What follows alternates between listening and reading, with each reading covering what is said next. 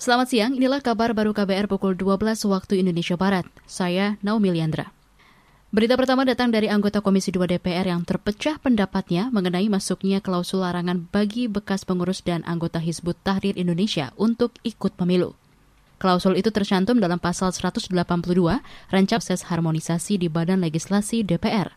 RUU Pemilu merupakan usul inisiatif dari Komisi 2 DPR.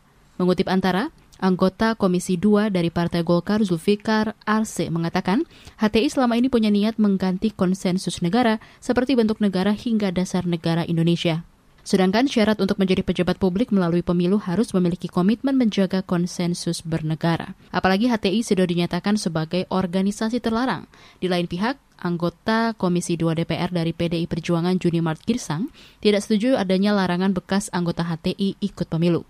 Junimart mengatakan setiap orang berhak maju menjadi peserta pemilu sepanjang hak politiknya tidak dicabut oleh pengadilan. Sementara itu LSM Perluda menyebut larangan bekas anggota HTI ikut pemilu yang termuat dalam RUU Pemilu sudah berlebihan. Apalagi pada 2003 lalu, Mahkamah Konstitusi pernah membatalkan pasal yang melarang bekas anggota PKI ikut pemilu.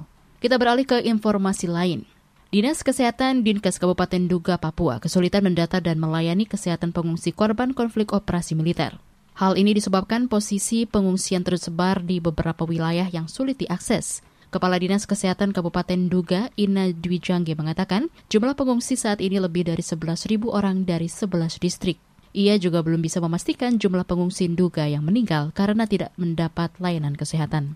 Besok saya ke Wamena ini baru pastikan beberapa orang yang sakit, beberapa yang meninggal. Uh, itu yang kami akan uh, data semua, Pak. Uh, berhubungan dengan faktor geografis yang sangat sulit, uh, ibu kota itu berada di ibu kota Kenya berada di dataran rendah dan yang distrik-distrik yang mengungsi ini mereka mengungsinya terpencar-pencar sehingga saya butuh waktu untuk uh, mendata itu semua dari satu kabupaten ke kabupaten distrik itu butuh helikopter.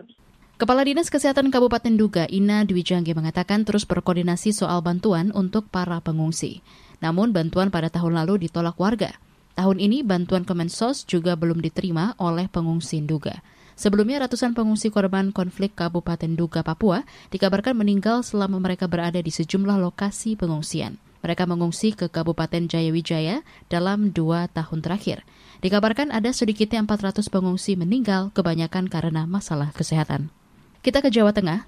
Pemerintah Kota Solo memperpanjang pemberlakuan pembatasan kegiatan masyarakat atau PPKM selama dua pekan untuk menekan penularan COVID-19.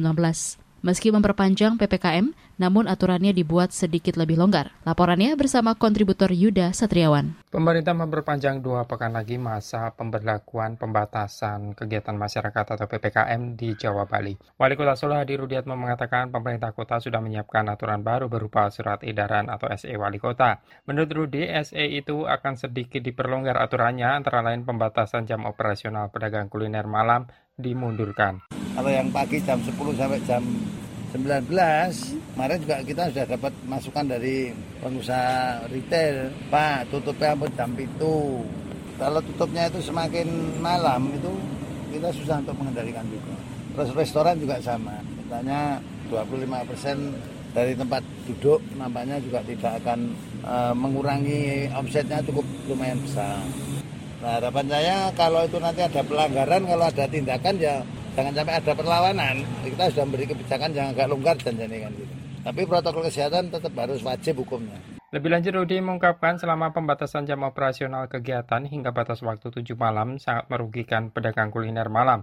Selama ini, Bu Rudi Solo memiliki ribuan hik atau angkringan yang beroperasi sepanjang malam dan menjadi tulang punggung ekonomi masyarakat. Namun, Pemkot Solo tetap menegaskan aturan protokol kesehatan di usaha kuliner malam tetap harus dilakukan. Dari Solo, Jawa Tengah, Yuda Satriawan, KBR. Demikian kabar baru KBR, saya Naomi Liandra.